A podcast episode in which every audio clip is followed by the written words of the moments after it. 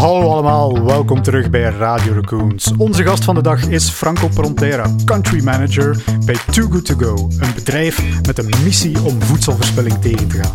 Het werd een super interessante babbel over duurzaamheid en ondernemen en hoe die twee het best met elkaar gecombineerd kunnen worden. Op het einde dan nog de grote vraag: is technologie de oorzaak of net de oplossing voor onze duurzaamheidsproblemen? Hallo allemaal, welkom terug bij een nieuwe aflevering van Radio Raccoons. Ik heb alweer een nieuwe gast bij mij. Deze keer Franco Prontera. Spreek je dat goed uit? Ja, dat is correct. Yes. Van bioloog naar Customer Success Specialist naar Country Manager, maar bovenal... Kerstverse papa eigenlijk. Oh, Eh, kijk, proficiat, ja, proficiat. ja, Eh, ja. veel... Het is al niet meer zo kerstvers eigenlijk, ehm, maar het voelt wel zo. ehm, mijn zoon Elio is op dit moment eh, negen maanden. Oeh. Dus Zit je al in de fase dat je langer dan twee uur per nacht kunt slapen? Of is dat, Nou, is dat nog, nog een niet. eh, verre droom? Oké, oké. Dus ik had veel dingen kunnen zeggen eh, om mij te definiëren, maar kerstverse papa is Ja, ja ik, alomvattend. ik denk Ja. dat je dat de eerste paar jaar alleszins als hoofdjobtitel mocht omschrijven. Franco, welkom. Jij bent hier als country manager vandaag de dag van Too Good To Go. Ik ben natuurlijk eens op uw LinkedIn-pagina gaan snuisteren en ik, ik merkte daar zo toch wel een, een interessant traject op. Hè. Ik heb daar straks al gezegd, van bioloog naar Customer Success Specialist. Ik weet nog niet goed wat dat is, maar je mag mij dat zeker eens eh, volledig uitleggen. Naar Country Manager. Vertel eens, hoe, hoe heeft dat traject er eigenlijk uitgezien? Alright. ehm, ja, dat is, een, dat is natuurlijk een heel brede vraag. Maar misschien ook wel, misschien ook wel passend vandaag, omdat ik hier eh, in Leuven ben. En ik ben eh, met de trein gekomen en dan met fietsje door eh, Leuven Centrum gereden, naar hier. Nice. Ehm, en ik heb een aantal van mijn koten gepasseerd. Dus ik heb in Leuven gestudeerd. Het was eigenlijk best nostalgisch om hier te zijn. En ik ben eigenlijk begonnen als, ehm, als zelfs biomedicus. Oké. Eh, dus ik heb een bachelor biomedische gedaan. En dan is er zo'n beetje een kantelpunt geweest. Ehm, heb ik een, een, een sessie, eh, zeg maar een, een keynote van Dos Winkel gezien. Niet zo heel bekende persoon. Ehm, en dat is eigenlijk een, eh, een duiker slash ehm, kinesist. Maar die heeft zijn eigen helemaal gegooid in het duiken. En die ging Ja. eigenlijk twintig jaar aan een stuk op dezelfde plaatsen duiken. Eh, voor plezier, initieel. Maar dan heeft hij eigenlijk, door dat altijd ook te documenteren, foto's, video's te maken, eigenlijk op een natuurlijke manier achter de achteruitgang van de oceanen gekomen. Oho. En dat was soms echt zo'n zo'n sprekende uiteenzetting voor mij, dat ik van biomedisch naar biologie ben gegaan en zelfs ecologie. Oké. eh, hier in Leuven. Eh, dat was een klein clubje van mensen, twaalf of zo zaten wij, eh, zaten wij in de master. Ja, super boeiend. Thema's als klimaat, ehm, dat is nu ongeveer tien jaar geleden, kwamen toen heel erg naar de voorgrond, maar hadden nog niet zo die grote media-aandacht op dat moment.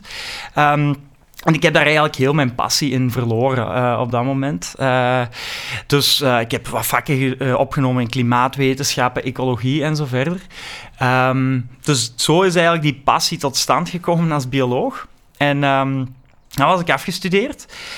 Ehm, maar ik heb eigenlijk ook altijd zo tijdens mijn studies een, een, een ondernemend kantje gehad. Eh, Dat vond ik ook altijd wel boeiend en leuk ja. om mee bezig te zijn. Een aantal dingen ge- geprobeerd. eh, kleine, kleine dingetjes. eh, olijfolie geïmporteerd en verkocht in België. ehm, Cool. maar ook een strandbarkje ge- opgericht. Ehm, en ik wou eigenlijk die twee dingen combineren. Dus ik wou ondernemen in de duurzaamheid, bedrijven helpen, om, helpen verduurzamen. Er waren nog niet zo heel veel bedrijven op dat moment, of ik vond ze alleszins toch niet. Futureproofed in Leuven is er zo ene, die was er toen ook al. Ehm, maar ik voelde mijn eigen nog niet echt zeker genoeg. En dan ben ik nog een master gaan doen, ondernemerschap, eh, om Juist. een rugzakje te hebben van economische kennis of zo. En daar heeft dat, dat ondernemen zelf echt een boost gekregen. Dus ehm daaruit die studie, tijdens die studie eigenlijk, heb ik ook een onderneming gestart, Rebels. Eh, digitale innovatie. Totaal niks te maken met duurzaamheid. Wat ook voor, voor gezorgd heeft dat ik na twee jaar daar een beetje op was uitgekeken, of alles, alleszins dat gat van sociale impact, waar ik eigenlijk gepassioneerd toe- was, dat ik dat echt wel miste. Ja. Ehm, wat doe je dan? Dan vertrek je op reis, dan ga je je eigen opnieuw, opnieuw ontdekken. Ehm Tibet. voilà. Daarna, Ah, Nepal. Ah eh, ja, oké. voilà. Basically hetzelfde land. Niet zeggen naar China. Voilà. Ehm, nee, ik ben dan gestart met een surfvakantie die dan eh, uiteindelijk een reis van zes maanden is geworden. En op die reis heb ik in Myanmar uh, Jonas Malissa uh, leren kennen. Mhm. Een heel toffe gast, uh, iemand van Easygam. Beetje hetzelfde, ook gebeten door het ondernemen, maar ook sociale impact. Drie weken samen mee gelift door Myanmar en dan afscheid genomen. Um, hij is dan naar Thailand gegaan, wij zijn naar Vietnam gegaan. Okay. Ik ben dan teruggekomen en dan mijn eigen terug op de arbeidsmarkt gegooid. maar na een aantal maanden kreeg ik een sms van Jonas van hey, ik heb onderweg een concept leren kennen van twee Denen, Too Good To Go. ja. Heb jij goesting als ik uh, terugkom naar België om eens een pint te gaan pakken in Gent en daarover te praten? En drie weken later was ik aan de slag bij Too Good To Go. Um, en zo is het eigenlijk helemaal gestart. Ja, en daar heb ik echt mijn passie kunnen vinden. Het kruispunt van zeg maar het hele duurzame. Um, aspect of uh, een maatschappelijk probleem aanpakken uh, op een ondernemende manier. Hoe de toevallige ontmoetingen ergens in Myanmar kunnen leiden tot voilà. een samenwerking die... Uh... Nu, om, om dan eventjes over te gaan naar Too Good To Go, het, het, het woord is gevallen, misschien voor de onwetende luisteraars. Ja. Licht eens toe, wat is het algemene concept die erachter zit? Ja, um, dus de maatschappelijke uitdaging die wij aangaan is voedselverspilling. Ongeveer een derde van al het voedsel dat geproduceerd wordt ter wereld belandt vandaag de dag in de vuilnisbak. Dus Ja. dat is gigantisch veel. Ja. Hè? Ehm, dat is een heel groot maatschappelijk probleem en dat heeft een impact op sociaal niveau, uiteraard, want er zijn ook heel veel mensen die honger hebben. Eigenlijk gooien wij meer weg dan dat er mensen zijn die honger hebben, Ja. dus dat is een gênant probleem zelfs. Ehm, economisch heeft dat natuurlijk een gigantische impact, maar ook ecologisch. 8 tot 10 procent van alle broeikasgassen vandaag de dag die komen van voedselverspilling, niet van, van voedselproductie. Dus dat is een heel grote uitdaging en dat is eigenlijk onze missie, het bestrijden van voedselverspilling. En onze meest bekende oplossing daarvoor is een app, een marktplaats-app, die eigenlijk consumenten en handelaars, winkeliers, supermarkten verbindt om samen tegen voedselverspilling te strijden. Right. Ehm, dat is onze meest bekende oplossing. Maar daarnaast, dat noemen we eigenlijk onze directe impact. Dat is hoe wij direct eigenlijk voedselverspilling bestrijden, door maaltijden te redden. Maar daarnaast is er ook een heel groot luik van, van bewustzijn rond voedselvers, vo- voedselverspilling en ook bewustmaking. Ehm, wat dat wij onze indirecte impact noemen. Onze Mhm. movement Ja. tegen food waste. Ehm, en dat zijn een aantal, aan, een aantal, op een aantal manieren dat wij dat doen. Eh, daar kan ik uren over praten, op politiek vlak, op eh, educatievlak, in de industrie. Ik heb bijvoorbeeld onlangs gezien dat jullie een coalitie aangegaan zijn met Ah, een aantal ja. grote bedrijven om voedselverspilling te bestrijden. Kan misschien daar eens op inpakken? Ja, lijkt mij tuurlijk, een goed tuurlijk. voorbeeld daarvan. Ja, zeker weten. Dus ehm, een van onze core activities, zeg maar, is uiteraard ehm, onze app laten groeien. We hebben gebruikers, we hebben een marktplaats, we hebben gebruikers en partners. Ehm, en je, je, je probeert een balans te zoeken om zo eigenlijk een community uit te bouwen. Maar doordat je dat doet, kom je natuurlijk heel veel in aanraking met partners. En je luistert daarnaar, hoe gaan zij met voeding om, met voedselverspilling en zo verder. En eigenlijk tijdens de pandemie hebben wij gemerkt dat er grotere bedrijven zijn die misschien niet rechtstreeks aan de consument voeding leveren, dus meer eigenlijk bedrijven voorzien, supermarkten, Ja. Ehm, die eigenlijk ook met voedselverspilling te kampen hebben. En dat is logisch. En zeker tijdens een pandemie komt dat heel erg naar boven. Want de horeca sluit, Ja. dus al die leveranciers komen ook in de problemen. Dus daar, om daarmee in dialoog te gaan, hebben we dan gemerkt van oké, voedselverspilling is verspreid over een waardeketen van voeding.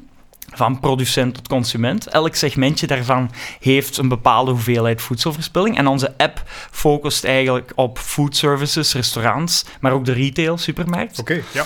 Maar eigenlijk dat schakeltje daarvoor, daar is, onze, daar is onze app eigenlijk niet zo geschikt voor. Ja. Omdat je kunt niet zeggen, bijvoorbeeld een Unilever of een Mondelez, die brands hebben, ehm, zoals Philadelphia bijvoorbeeld. Hè. Je kunt niet zeggen tegen onze gebruikers, ja, ehm, er is een fabriek waar dat jij een pakketje kunt gaan redden in the middle of nowhere, Ja. of toch buiten de stad. Dat is niet één op één een oplossing. Dus we zijn met die, met die brands, met die bedrijven in, ehm, in dialoog. En dan zijn we oplossingen aan het zoeken om enerzijds direct hun voedselverspilling aan te pakken. Maar dan hoorden we eigenlijk ook van, hey, die, hebben, die kampen eigenlijk op verschillende niveaus met voedselverspilling.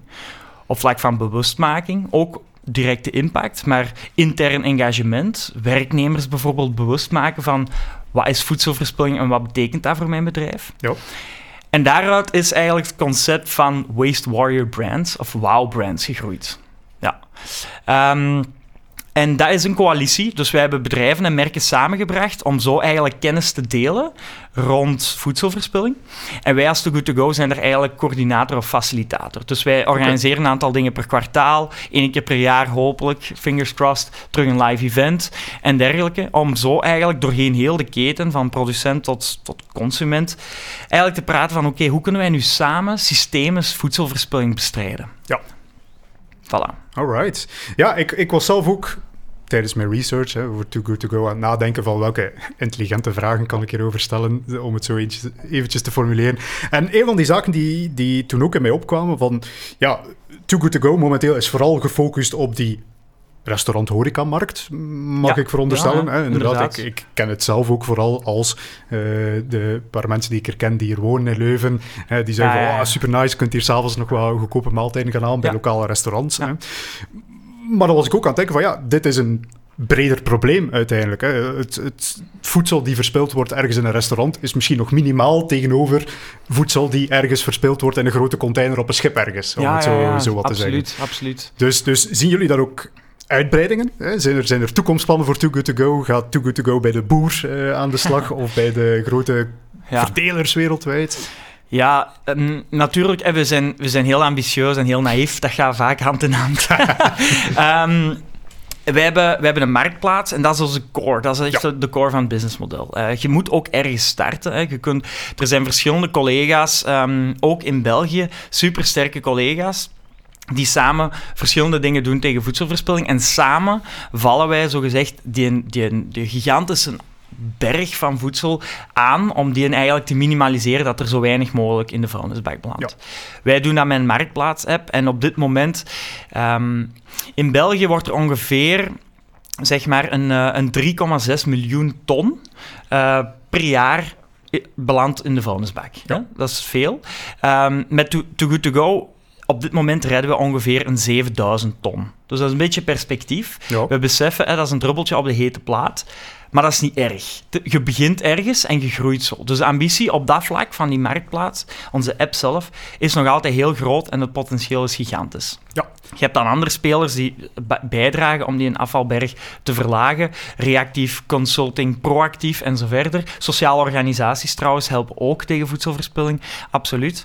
Ehm, en dan gaan we kijken naar ehm, waar vindt eigenlijk de verspilling plaats. En ik heb het al een beetje aangehaald, die keten, die waardeketen van voeding. Producent, leverancier, distributeur, food services, retail en consument thuis. Met onze movement, met onze indirecte impact, focussen wij eigenlijk ehm, zowel op die eerste segmentjes als op, die laatste, op het laatste segment van consument. Bewustmaking is voor ons een hele grote. Ja. Dus dat is eigenlijk de awareness eh, van voedselverspilling. Want Europese cijfers laten zien dat 50% van die 3,6 miljoen ton, 50% daarvan vindt plaats bij de consument. Bij de mensen thuis. Ja. Ehm, en dat zijn banale dingen soms. Hè. Ik bedoel, dat zijn, wij doen dat allemaal. Hè. Je, je, je kookt een kei lekkere maaltijd, je bent wat overdadig en je kookt te veel. Je denkt, oh, score, ik steek dat in een potje en, en ik eet dat morgen als lunch. Je vergeet dat. Je vergeet dat de volgende dag. En uiteindelijk, ah, damn, dat is spijtig, ik moet dat weggooien. en dat is een klein voorbeeld, hè. maar ook Ja. op andere vlakken. Je snijdt wat veel van je groenten af of je... En zo verder enzovoort. Dus die bewustmaking is voor ons een hele grote en daar doen wij van alle campagnes rond. Ehm, dat is dan niet noodzakelijk voor direct veel meer voedsel ehm, eh, via de app eigenlijk te redden, maar meer om die mensen eigenlijk meer connectie te maken met de voeding. Want als ik eerlijk ben, toen dat ik ehm, nu ondertussen 3,5 jaar geleden bij Too Good To Go startte, Ja. Ehm, ik wist eigenlijk niet dat, Too Good To Go- eh, dat eh, voedselverspilling zo'n groot probleem was. Hè? Ehm, en zeker niet zo'n complex probleem.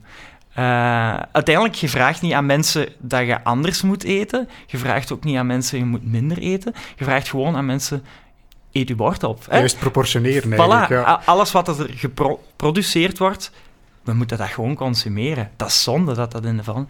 Maar uiteraard, als je dan onderzoek doet, dan is dat veel complexer. En die gewoontes, die zitten dieper geworteld dan wij denken. Ehm, ik weet niet hoe dat, dat bij jullie is, ehm, maar mijn grootouders, dat zijn zo wat naoorlogse kinderen. Yep, Hè? voilà.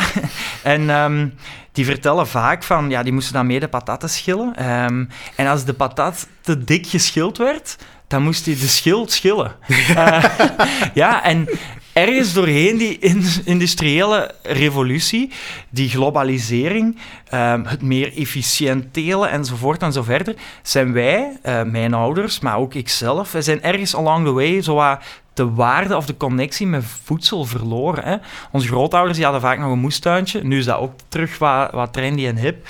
Um, en ook heel, heel uh, nuttig. Maar die hadden een moestuintje, dus die wisten... Oké, een tomaat, hoeveel liefde en tijd en, en water kost dat eigenlijk? Voilà. Ja. Voor ons is eten zo goedkoop geworden en zo beschikbaar dat dat bijna een commodity is. En dan gooi je dat ook sneller weg. Dus dat is een heel belangrijk iets van ons om terug de connectie, die, die, die, de waarde van voedsel te erkennen en te respecteren. Um, en om zo een, een, grappig voorbeeld te geven, wat we onlangs gedaan hebben rond Sinterklaas, ja, eigenlijk met Sinterklaas, is um, een, een, samenwerking met kapitein Winocchio. Die ken je waarschijnlijk wel. Ja, ehm, een van de bekendste ja, muzikanten, een super band trouwens, uh, maar vooral gefocust natuurlijk op kinderliedjes en kinderen. Um, en daar hebben we eigenlijk samen een Sinterklaasliedje geschreven rond voedselverspilling. Rond de mandarinetjes en de ja, chocoladekonijntjes en wat is het allemaal. um, dat niet in de, vuil, uh, in de vuilnisbak belanden.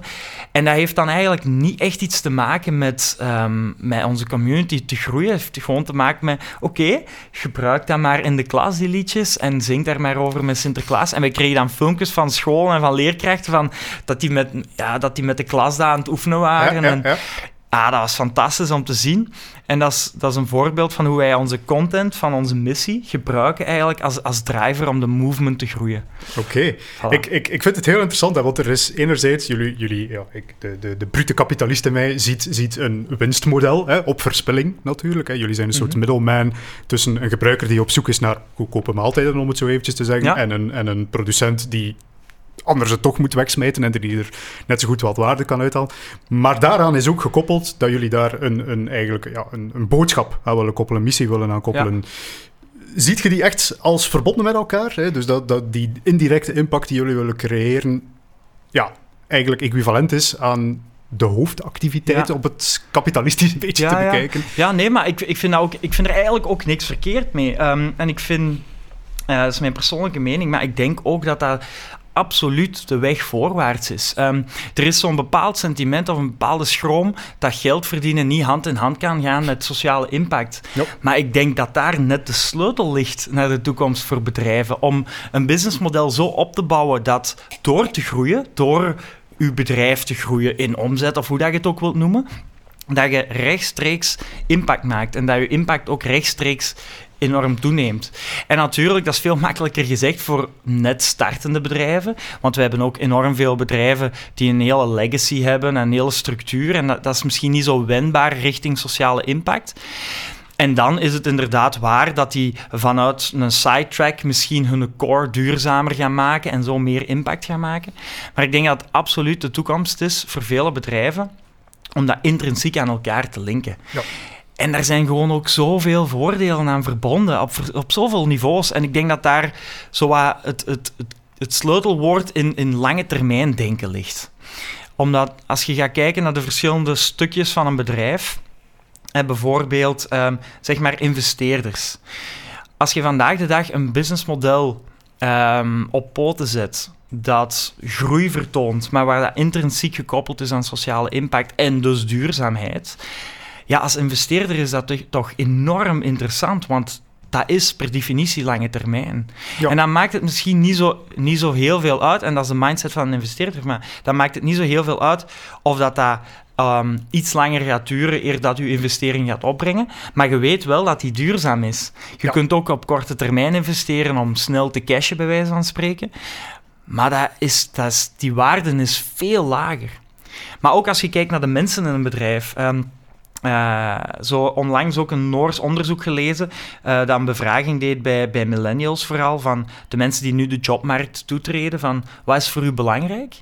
Um, dan zie je dat heel veel mensen vandaag de dag 70% was het, denk ik, dat noodzaak hebben aan in hun job voelen dat zij persoonlijk impact maken. Dat zij Mhm. persoonlijk Ja. een, een steentje bijdragen aan een betere wereld. En die mensen die treden de jobmarkt toe, dat zijn de talenten. En als jij talent wilt aantrekken als bedrijf, moet je je zo ook profileren. En, en belangrijker als je talent wilt houden en ontwikkelen. Ehm, dus dat is ook enorm belangrijk vanuit een, een bedrijfskundig perspectief, dat dat uw, uw aanbod is, dat uw kern is. Eh, als je nu eh, op straat vraagt aan, aan, aan mensen die de job gaan, jobmarkt gaan toetreden, of, of mensen die rond 30, 35, als jij een, een bedrijf X hebt en dat, wer, dat, dat heeft een, een bedrijfsvoering dat werkt voor een betere wereld, en een ander die zegt, "Wow, maakt niet uit wat er gebeurt, iedereen gaat toch kiezen voor die, maatschappelijke, die bijdrage voor maatschappelijke impact. Dat zit zo wat in ons. eh. Hangt af van het loonbriefje ergens wel. Als ik de cynische Ja, maar versie dan, van mezelf ja, dat is waar. halen. En je hebt, uiteraard heb je uitzonderingen. Maar ik denk dat het overgrote deel toch de switch aan het maken is voor... Ik durf gerust inboeten, bij wijze van spreken, voor minder te verdienen. True. Als ik gewoon elke dag thuis kom en naast een bedrag op mijn rekening elke maand weet van... Eigenlijk heb ik geholpen dat het een betere wereld is. Dat is toch fantastisch. Dat is bijna on- onschatbaar van waarde. Absoluut, absoluut. Ehm voilà, en, en ook, maar ook bottom-up bijvoorbeeld. Hè. Eh, de consument vandaag de dag, we hebben vaak, de, vaak het idee van... ehm, wat, wat kan ik als consument nu... eh, mijn één aankoop, wat maakt dat nu uit? Maar het zijn die verschillende signalen van, van onze samenleving. En, en als, be- het, zijn- het is pas heel sterk als bevolkingsgroepen zich gaan ja, groeperen. Ehm, en die signalen worden sterker en sterker. En je geeft eigenlijk incentives naar bedrijven van... Ja, er is eigenlijk wel een vraag naar duurzamere services, duurzamere producten. En doordat die vraag groeit, gaat de aanbod groeien, maar gaat er ook worden geïnnoveerd in die richting.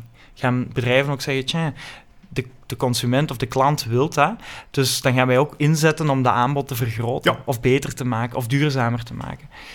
Dus een super interessant gesprek, dat kan hier ja, nee, absoluut. kan ook absoluut. heel ver, ver doorgaan. Ik, Ehm, ik, ik voel me bijna schuldig voor de vraag om het zo terug naar de, de eh, brass tacks te herleiden. Maar om, om nu bijvoorbeeld te zeggen, een, een groot deel van ons publiek zijn ook studenten. Ja. Eh, ondernemende studenten die misschien ook met diezelfde kiem en passie zitten voor, voor ondernemen met een duurzame draai eraan. Ik hoorde je daar straks spreken over investeerders.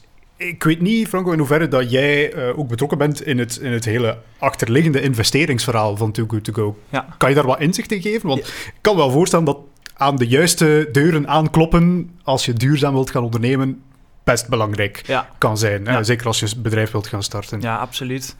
Ehm, en op dat vlak is Too Good To Go wel een heel interessant model. Ehm, en daarvoor moet ik misschien een klein beetje de oorsprong uitleggen. Zeker. Ehm, dus eh Too Good To Go is, on- in- is ontstaan in Denemarken. Eigenlijk vijf gasten die eh, naar een buffetrestaurant waren gegaan. Die zagen van, hey, goedenavond, wil wat wijn gedronken, laat blijven zitten in dat restaurant. En die zagen van, hey, op het einde wordt hier alles gewoon weggegooid. Aha. Dat klopt hier toch niet. Eh, ondernemende gasten, dus die hebben daar Too Good To Go uitgestart. Ehm, eh, die hebben dat dan ja, heel start-up-minded eh, grootgebracht. eh, met zoals scruffy technologie in het begin en zo, je kent het wel. Ehm, maar dan na een tijdje, ik geloof na een klein jaar, is er eigenlijk een, de eerste investeerder bijgekomen. Oké. Ehm, een business angel, hoe dat ze dat dan noemen. En dat was Mette Likke. Ehm, dat is ook nu nog onze huidige CEO. Ehm, die, had, eh, die heeft daarvoor eh, al een ondernemersverhaal, succesvol ondernemersverhaal, die had In The Mundo opgericht. Ehm, en Mundo, voor degenen die het niet kennen, eh, want het is, al, ja, het is al een tijdje oud eigenlijk, is de Strava 1.0. Ik zal het zo Oké, zeggen. ja. Dus was de eerste, een van de eerste community sport apps. Ehm, toch tot 80 miljoen gebruikers gebracht, Mhm. denk ik. Dus Cool. echt wel succesvol destijds. Waarschijnlijk nu nog. Ehm, eh, maar dan, ja, verlaten, verkocht. ehm, en met dat kapitaal eigenlijk Too Good To Go leren kennen. Alright. En dan natuurlijk, als je zo iemand eh, met zo'n ervaring ehm, en uiteraard ook kapitaal, Dat is wel een Ehm, lucky shot inderdaad, dat je iemand kunt vinden die niet alleen investeert, maar ook nog eens CEO wordt met zo'n ervaring. Absoluut, absoluut. Voilà, dus, en die gasten hadden dat dus ook wel snel door natuurlijk. Dus eh, dan is dat ook iets gemakkelijker om een stapje opzij te zetten, ehm, om dat zo te zeggen. En dan eigenlijk heeft zij meer structuur in de organisatie gebracht. En initieel was de organisatie opgericht in Denemarken, in Noorwegen, in Frankrijk en in uh, de UK. Eigenlijk ongeveer gelijktijdig door mensen die elkaar niet noodzakelijk kenden, maar wel het idee hadden en zeiden van, hey, in plaats van concurrenten op te starten van elkaar. Laat ons gewoon één bedrijf opstarten, maar iedereen in zijn eigen land. Oké, ja, cool. Dat is niet zo... dat, dat, dat klinkt cool, maar dat is natuurlijk niet zo evident, want je moet wel met één technologie werken en hoe doe je dat dan? ja, ja, dus dan was dat uh... super handig dat Mette toetrad. Um, en dat zij dat eigenlijk wat gestructureerd heeft. En van toen af aan heeft ze een aantal dingen uh, gecentraliseerd in Kopenhagen, wat logisch is. Bijvoorbeeld een tech-departement of data, ook finance en dergelijke. En dan eigenlijk um, een model bedacht waar dat elk land op zichzelf opstart. Met een aantal resources van de, van de hoofdkoepel, of van ja. de, de, koepel, zeg maar.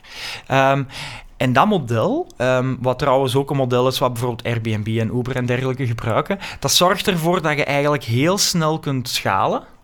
Um, dat je heel snel kunt schakelen, maar dat je de kracht van een land wel... De lokale op, kennis ook. Voilà, optimaal benut. En um, om nu het voorbeeld van België te geven... Hè, dus ik, ik heb het al gezegd, uh, ontwikkeling van de app, uh, data, finance en dergelijke, legal, dat zit voornamelijk in, uh, in Kopenhagen, mm -hmm. uh, waar wij wel in super nauwe dialoog mee staan. Maar um, sales, marketing, customer success, um, people and culture, dat doen wij allemaal lokaal. Ja. Want natuurlijk, voedselverspilling is ook een nationaal gegeven. Uh, in, in Duitsland kijken ze anders naar voeding, of gaan ze anders cultureel met voeding om dan de UK, dan België. Dus in uw communicatie, in uw boodschap, kun je dat allemaal gebruiken. En dat is heel, heel waardevol. Ja. Plus, je, je, start eigenlijk altijd start-ups onder de koepel. Hè. Kleinere bedrijven, kleine landen richten op. En wij hebben het in België ook meegemaakt. Je gaat van twee, twee naar drie, naar vijf, naar vijftig mensen vandaag de dag om, om en bij.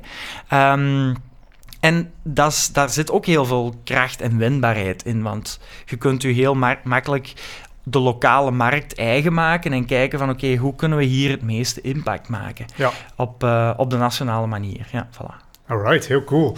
Ja, ik, ik vind het al zelf heel interessant om... Je bent er zelf een beetje van het begin bij geweest, als ik het mm -hmm, uh, goed mm -hmm. begrepen heb. Uh, nu, nu country manager geworden. Kan je eens toelichten van wat komt er eigenlijk allemaal bij kijken? We hebben het ervoor uh, al eventjes over gehad. Hebben jullie zo'n soort kant-en-klaar starterspakket gehad en je haalt het uh, lintje ja. eraf en voilà, er is een uh, Too Good To Go in België. Komt daar marktonderzoek bij kijken? Hoe, hoe zijn jullie eigenlijk daarin van start gegaan? Ja, ja absoluut. Hè. Dus... Um je komt op de markt, je hebt uit, uiteraard wel een product, maar dan nog, um, ja, het is toch wel echt zoeken in het begin. Um, ja, voilà. de, de, Jonas heeft het, uh, heeft het uiteraard opgericht en heeft, uh, heeft het startschot gegeven.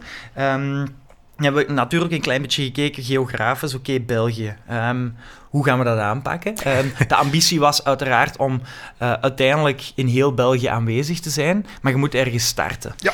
Uh, België heeft dan die complexiteit van twee, drie, viertalig te zijn eigenlijk. In Brussel heb je toch zeker drie talen.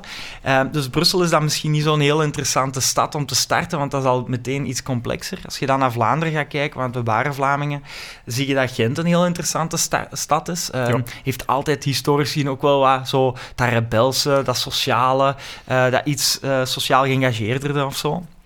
Um, dus Gent was een heel goede uitvalbasis om te starten. Um, en dan is het eigenlijk initieel, ja, je gaat wat marktonderzoek doen, maar dat, je gaat gewoon de baan op. Hè. Alright, je, ja, legt ja. Het, je legt het concept uit en dat lukte eigenlijk tamelijk goed. Okay. Want het is, een, het is echt een win-win model. Je hebt er niks mee te verliezen.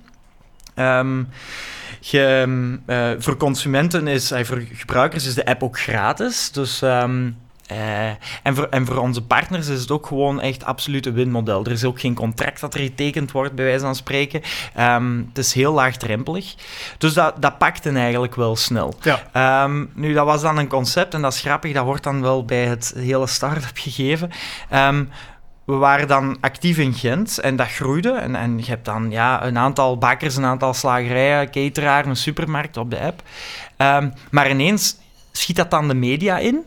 En dan um, in het begin, uh, ik denk de eerste maand, kwamen we ineens op nationale televisie. ja, dat is eigenlijk een droom, bij wijze van spreken. Ja. Um, buiten, het feit, zweten, buiten het feit, gerekend van, je zei op nationale televisie, dus dat betekent een miljoen, miljoen, miljoen kijkers, zeg maar, of zo, hè, meer, het, het journaal.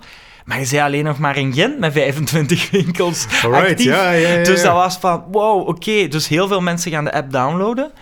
Maar Zien die gaan in hun buurt nog niks zien. Ja, ja, Ehm, dus dat was in het begin wel, ja, was wel zweten van, oké, dan moeten we wel heel snel schakelen. En hoe gaan we dat hier aanpakken?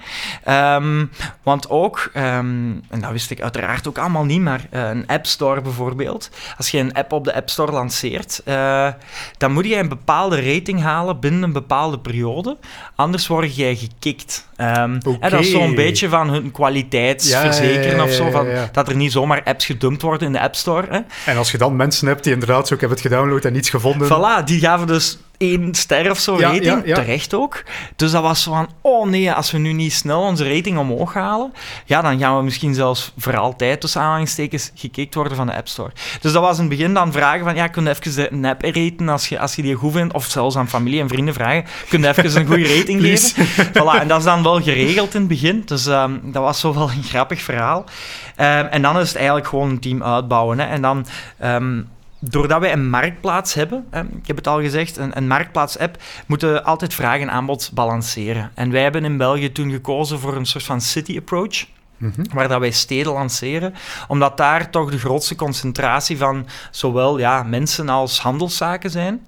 En dan kun je vrij makkelijk, eh, zeg maar als je... ehm, eh, ik zeg maar, we willen Antwerpen lanceren. Oké, dan gaan we de baan op in Antwerpen. Dan Ja. gaan we ons verhaal vertellen en kijken of dat eh, mensen samen met ons voed- tegen voedselverspilling willen strijden. Eh, en als we dan een aantal partners hebben gevonden, zeg maar iets 30, 40 partners, dan gaan we werken met lokale pe- pers om dan eigenlijk te zeggen, hey, we zijn in Antwerpen en dan gaan die downloads weer omhoog. En dan zo heb je eigenlijk gebruikers en partners die je balanceert om zo je community uit te groeien. Alright. En natuurlijk, na verloop van tijd, geprofessionaliseerd ook. Ehm, je gaat ook v- ervoor zorgen dat eh, bedrijven zich kunnen inschrijven op de website, zodat bedrijven ook naar ons kunnen komen en dergelijke. En zo, over tijd bouw je eigenlijk ja, een manier van werken, zodat je een community kunt laten groeien. Eh, Ja. Zowel organisch als heel erg actief aan, aan te werken. Ja. Alright. Ja, ik wil er graag nog eens wat meer over inpikken, want ik denk dat wij u wel kunnen vinden in uw verhaal. We zijn nu ook gegroeid van, van eh, vijf man aan een tafel die hier een beetje zat te prullen naar, nu ondertussen Ja. 45 mensen verdeeld over verschillende subbedrijven die met elkaar moeten gaan samenwerken enzovoort. Een hele laag van professionalisering ook wel die we Ja. erop gebouwd hebben. Ik kan me al voorstellen inderdaad als je op nationaal nieuws komt en je hebt in één keer zoiets van oh jee, wij moeten hier eh, snel gaan groeien en snel gaan versnellen.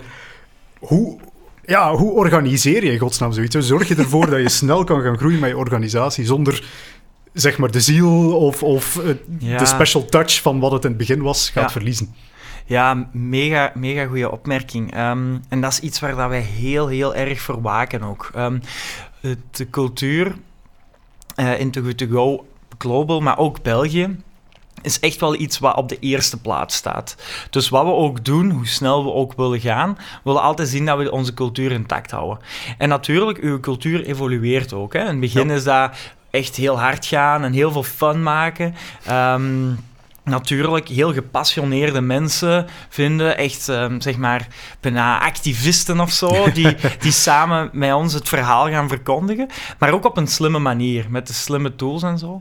Ehm, en dan is, het, dan, is het, eh, dan is het wel heel interessant, het model van Too Good To Go, want bijvoorbeeld, eh, we zijn één groot bedrijf, maar we zijn de Belgische entiteit.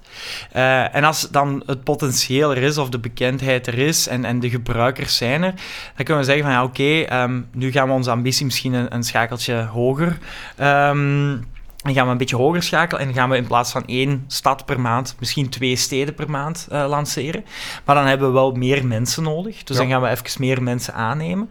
Maar wel op een manier dat we die mensen met de juiste filosofie, met de juiste missie eh, aannemen. Ehm, en ook eh onboarden, zeg maar. Ehm, en, en in alles wat we doen, nooit die visie en die missie uit het oog verliezen. En Mhm. nooit vervallen in de makkelijke manier of misschien shortcuts. Ja. Want de kracht is echt de authenticiteit. En dat is bij iedereen, elke persoon van het team, zowel in België als global nog steeds, is dat wij heel erg ambitieus zijn in de strijd tegen voedselverspilling. Ja. En het gaat niet om...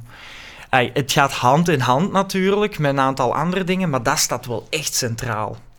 En na verloop van tijd ga je dan ook mensen ontwikkelen. Ehm, want mensen gaan skills laten zien en gaan ambitie en, en, en aspiraties tonen, waarvoor dat je in je cultuur dan ook de ruimte wilt geven Ja. om die te ontwikkelen. Ja, absoluut. Zelf, zowat, uh, allee, zelf ondernemer zijnde, ik, ik vind dat mijn favoriet onderdeel. Om te zien dat mensen die uw organisatie Absoluut, binnenkomen ja. als groene blaadjes, gaandeweg zich ontwikkelen en echt wel bepaalde talenten Ja. eh, gaan, gaan ja, la- laten zien waarvan dat je ze nooit in het begin had vermoed. Dat is eh, een van de, de leukste dingen om te doen, vind ik zelf dan. Ja, ja, ja, absoluut, dat is zeker. En ik herken mijn eigen daar ook in, want ik ben eigenlijk ook nog groen, bij wijze van spreken. Absoluut, ik beschouw mezelf zo. En ik, ik vind het is fantastisch om elke dag te kunnen bijleren. Ehm, ik, zou dat, ik, ik hoop dat dat nog heel mijn leven blijft duren. Dat is, dat is iets om naar te streven. ehm, om heel nieuwsgierig te blijven, altijd te kijken van oké, wat kan ik hieruit leren? Ehm, wat kunnen wij hieruit leren? Hoe gaan we hiermee verder? Hoe gaan we hierover reflecteren? En als je dat platform en die omgeving kunt creëren en die, die cultuur hangt er, dat is gewoon iets heel fijn. Ja. Eh, ja. Ik, eh, ik heb altijd ook een beetje een filosofische uitsmijter. Het is geen filosofische uitsmijter deze keer, het is eerder een semi-filosofische vraag. Want jullie zijn in C een, een technologiebedrijf. eh, ergens misschien het labeltje technologie, jullie maken een app enzovoort enzovoort. En ik vind het interessant om te bedenken van, ja, we gaan uiteindelijk een menselijk probleem te lijf met technologie. Anderzijds praat je ook veel over hè, de, de bewustzijnwording die eraan Mhm. moet hangen. Hè, een beetje de, de tweekoppige aanpak, om het zo te zeggen. Ligt daarin eh, het, het antwoord voor onze, ja, laten we zeggen, heel breed. Hè. We spreken hier nu over duurzaamheid, we spreken hier Ja. over voedsel, voedselverspilling. Maar ja, we zitten hier ook nog met global warming en god weet welke Ja, problemen dat we hier nog allemaal eh, gaan ontdekken de komende jaren. Wat zit daarin de oplossing? Moeten we dan met technologie te lijf gaan? Moeten we eerst de mensen eh, gaan opleiden en bewustzijn gaan maken? Ja. Hoe zien jullie dat? Ja, ehm, Het is breed, ik weet het. ja, maar het is, het is echt een heel leuke vraag. Hè. Ehm, wel, ik denk, ik denk ja, eh, ja, we moeten daar met technologie eh, te lijf gaan, absoluut. Ehm, de, de, dezelfde technologie die ons vandaag de dag... Hè, de, eh, technologie heeft ons, heeft ons auto's gegeven, elektriciteit gegeven, waar daar heel veel voordelen aan gekoppeld zijn. En dezelfde technologie die gaat ons ook de oplossing geven, de sleutel geven tegen, tegen, voor duurzaamheid, voor, Ja. tegen klimaatverandering en dergelijke. Want het, technologie is eigenlijk een middel, hè? Dus, dat is geen doel. ehm, en dat heeft ook, technologie is ook niet van aard goed of slecht. Mhm. Het is wat dat je doet met technologie. Het is uw visie, uw, uw algemene visie en hoe dat jij daar technologie voor gaat inzetten. Ja. En technologische vooruitgang is, is, is innovatie. Hè?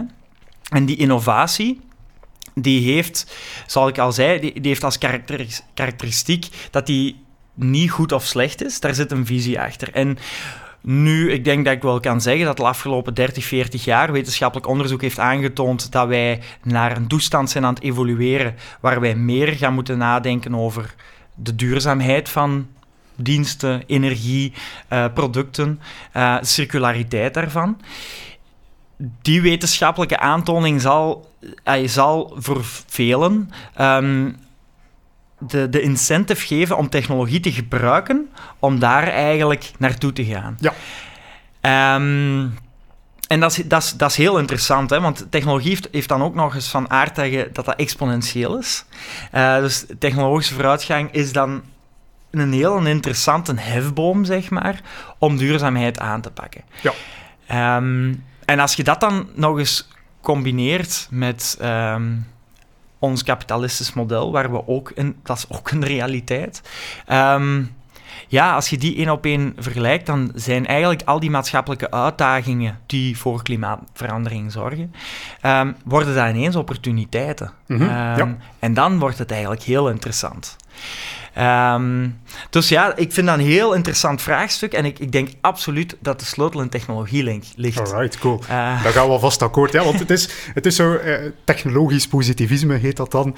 Ehm, veel mensen zouden eigenlijk claimen van, ja, die problemen, zoals duurzaamheid, hè, zoals al onze ecologische problemen, worden net veroorzaakt door de technologie. Hè. Mhm. Moesten we nog allemaal boertjes zijn ergens in, Ja. eh, op een veld, dan hadden we nu waarschijnlijk geen global warming gehad. Ja. Maar ja, het is, het is een soort immer voortdurende strijd, zeg maar. Absoluut, hè. Eh, absoluut. En als je terugkijkt in de prehistorie, een- een steen, zo'n een, een, een scherpe steen, is ook technologie. Vuur was ook technologie. Ja. Ehm, de, technologie is iets heel conceptueel. Dat is, dat is een middel om ergens te geraken. En nu, ik denk als wij een gelijkgezindheid vinden of een ge- gemeenschappelijke visie hebben dat we moeten evolueren naar een duurzamere missie, dan is het gewoon aan ons om die technologie daarvoor in te zetten. mhm. En uiteraard heeft technologie ook ervoor gezorgd dat wij bepaalde uitstoot hebben en dergelijke. Maar dat is een, een natuurlijke evolutie geweest. Ja. Ehm, toen was er dan nog niet echt die incentive, of toch veel minder. En elk bedrijf die nu ehm, technologie gaat inzetten die niet duurzaam is, die heeft in mijn ogen intrinsiek een nadeel in de toekomst. Want elk bedrijf is nu, wordt nu geïncentiveerd vanuit de klant, vanuit de overheid, vanuit subsidies, vanuit reglementering, om hun technologie in te zetten naar die duurzame, in die duurzame richting. Dat is wel nog interessant, want de rol van overheid daarin is dan in feite om een klimaat te creëren waarin we bedrijven gaan inzetten. We zouden natuurlijk weer de cynicus kunnen bovenhalen die zegt van we, we gaan zoveel mogelijk poen gaan grijpen op zo kort mogelijke Ja. momenten en dan eh we're out. En als de planeet vergaat eh, nadat we dood zijn, het kan ons niet schelen. Maar de overheid die kan er wel voor zorgen dat eigenlijk de meest rationele beslissing om bedrijven te maken duurzaam investeren Ja. is. Dat klopt. Ja, ja absoluut. En, en ik heb daar onlangs nog een podcast over gehoord, waar, waar, ik een heel, eh, waar dat op een heel fijne manier eigenlijk in beeld of, of ehm, aan de kaak gesteld werd. En dat is ehm, ja, zowel top-down als bottom-up. En ik had er eerlijk gezegd zelf nog niet echt over nagedacht. Van, enerzijds worden er reglementering en regels en protocollen en, en voorwaarden opgelegd door de, door de regering. Dat is zo wat de stick, zeg Ja, maar. ja, ja, ja. Maar anderzijds worden er ook enorm veel subsidies uitge, uitgereikt of, of eh, beschikbaar gesteld voor te innoveren. En die subsidies, daar hangt meer en meer en meer iets, eh, een, een, duur- een duurzaam aspect aan. Ehm, dus dat is eigenlijk zo de, de carrot en de stick van de overheid, bij wijze van spreken, die ehm, onderzoek, eh, nieuwere bedrijven, op start-ups en zo verder, dat die eigenlijk zo wat kantelt of richt ehm, naar, eh, in, naar, naar een duurzame ontwikkeling. En uiteraard is er enorm veel kritiek te vinden op veel aspecten daarvan. Maar ehm, we moeten ook niet altijd naar het negatieve kijken, vind ik. Ja. We kunnen daar ook verbindend naar, naar kijken. ja. Dat aspect mag zeker belicht worden, hè, want het gaat inderdaad, als we zo nadenken over de rol van de overheid in Ja. het hele ecologische gebeuren, dan misschien de man op de straat denkt meteen van verdomme, ik mag nu geen plastic zakjes meer krijgen in de GB. Eh, het is allemaal schuld van de overheid en die regulaties dat ze opgelegd hebben. De- dat, dat is zo de, het, het ja, beperkende, maar anderzijds is er ook het incentiverende model Voilà. die naar mijn mening een pak succesvoller kan ingezet worden om bedrijven te sturen naar een meer duurzame weten. toekomst. Een, een goed voorbeeld daarvan is ook ehm, onze, eh, dus onze indirecte impact. Onze movement heeft een aantal pillars, pilaren, eh, waar wij op focussen. Educatie, industrie, de mensen thuis, consument, ik heb het al gezegd. Ehm, maar ook een hele belangrijke voor ons is politiek ehm, Mhm. en beleid. Ja. En daar hebben wij recent ook eh, iets heel interessants gedaan. Dus we komen meer en meer met die beleidsmakers in contact. Specifiek dan rond het topic van voedselverspilling. Waar we eigenlijk, wat we net, net over aan het praten zijn, waar we eigenlijk heel erg op willen inspelen. Ehm, we hebben twee jaar geleden in mei hebben we een campagne gedaan, Verkiezingen zonder verspilling. Ehm, dat was wel een toffe campagne eigenlijk. Net voor de verkiezingen, dat was nog wel, was nog wel cool, hebben we last minute met een aantal mensen die opkwamen, de, voornamelijk eigenlijk de, de klimaat- en, en milieuverantwoordelijke van elke partij, eh, nationaal, hebben eigenlijk ge- geïnterviewd van eh, wat doe jij persoonlijk tegen voedselverspilling, maar ook vooral, wat gaat uw partij doen als jij verkozen bent Ja. tegen voedselverspilling? En eh, dat waren heel leuke interviews, korte filmpjes, maar dat was natuurlijk ook voor ons een manier van, als, als die mensen hun ambitie van de partij eigenlijk uitspraken en ze worden verkozen, ja, dan kunnen we gaan aankloppen van hey, Um, Staat op tape. bij wijze van spreken. Nee, maar ay, dat was heel fijn om een relatie op te bouwen. En eigenlijk met een aantal daarvan zijn we echt aan het samenwerken. Uiteraard is een bedrijf uh, politiek neutraal, maar bepaalde mensen die op bepaalde zetels zitten, is dat wel interessant om te zeggen van ja, kijk, je bent bezig met voedselverspilling. Wat soort beleid of wetsvoorstellen kunnen wij doen om, daar, uh, om, daar, om voedselverspilling te bestrijden? En een van die dingen die we onlangs hebben gelanceerd... Um, is eigenlijk, in België is, er, um, is het fiscaal nog altijd niet super aantrekkelijk om voedsel te doneren. Mm -hmm, um, ja. En daar eigenlijk zijn we rond beginnen knutselen, um, om het zo te zeggen eigenlijk rond een, een interessant wetsvoorstel dat het wel fiscaal aantrekkelijk is of btw aftrekbaar is om voedsel te doneren. Want het zou stom zijn dat je geld moet betalen op voedsel dat je doneert. Want ja, ja natuurlijk, als bedrijf ga je het dan gewoon weggooien. Waar de ik herinner mijzelf nog de verontwaardiging uit mijn uh, jobstudententijd bij een grote supermarkt. Ik ga de naam niet noemen om geen uh, advocaten op mijn uh, hals te krijgen. maar dat er inderdaad containers met eten stonden en dat ik doodleuk zei van alright, kan ik wel straks een vleesje meenemen om op de barbecue te leggen? Dat is waarschijnlijk wel nog goed. Oh nee, nee, nee, nee, nee. dat gaan we zeker en vast ja, niet doen. Ja, voilà. daar, daar mag niemand aankomen. Wat? ja, gek. Dus, dat is eigenlijk absurd. Dat staat daar klaar, is allemaal goed eten. En, um, en voor ons zou het dan gewoon interessant leuk zijn. Maar er zijn ook effectief gewoon nog altijd 190.000 mensen elke maand die bij de voedselbank aankloppen. Absoluut. Hè? Ik bedoel, als je die één op, twee ver, uh, één op één vergelijkt, ja, dan, dan, is het, dan is het bijna de waanzin dat we die som niet maken. Um, voilà, dus op politiek vlak, op beleids, uh, beleidsmatig vlak als, omdat we doorheen de start-up fase zijn geweest, we zijn nu nog altijd, um, um, uh, beschouwen ons nog altijd als een start-up, maar toch zie je dat naast het groeien van onze Waste Warrior community, onze marktplaats, um, zien we toch meer en meer waarde om systemisch voedselverspilling aan te pakken met die indirecte impact. En ja. uh, dat is ook gewoon heel plezant om daarmee bezig te zijn. Ja. Oké, okay, super cool. Ik denk dat daarmee onze tijd erop zit. Eh, Frank, ik wil je bedanken voor een inter super interessante babbel. Um, ik ga nu nog eventjes kijken naar Sam. Zijn er nog zaken die ik moet vermelden? Ja, absoluut. Als er nog vragen moesten zijn voor Franco, of uh, bemerkingen of dingen waar ik het niet mee eens ben, mocht je die altijd nalaten in de comments of mailen. En dan uh, bezorgen we ze graag nog aan Franco en dan kun je die nog beantwoorden. Hè. en voor de rest, volgen, liken en delen als het interessant is, zoals altijd. Alle mogelijke platformen. Voilà. Ga ze maar af. Overal. Download ze nog een keer. okay, Goed, top. dan uh, bedankt iedereen. Uh, bedankt Franco uh, voor jouw aanwezigheid hier vandaag. En dan zou ik zeggen tot de volgende keer iedereen. Heel graag gedaan. En iedereen de app downloaden, hè? dat zouden we nog vergeten te zeggen. Juist, ja, nog een beetje reclame snel. Voilà. Ja. iedereen snel download de app. Join the community. Ja, voilà. Nee, het was heel fijn om hier te zijn. Bedankt. ik heb er ook van genoten. Top. Dankjewel.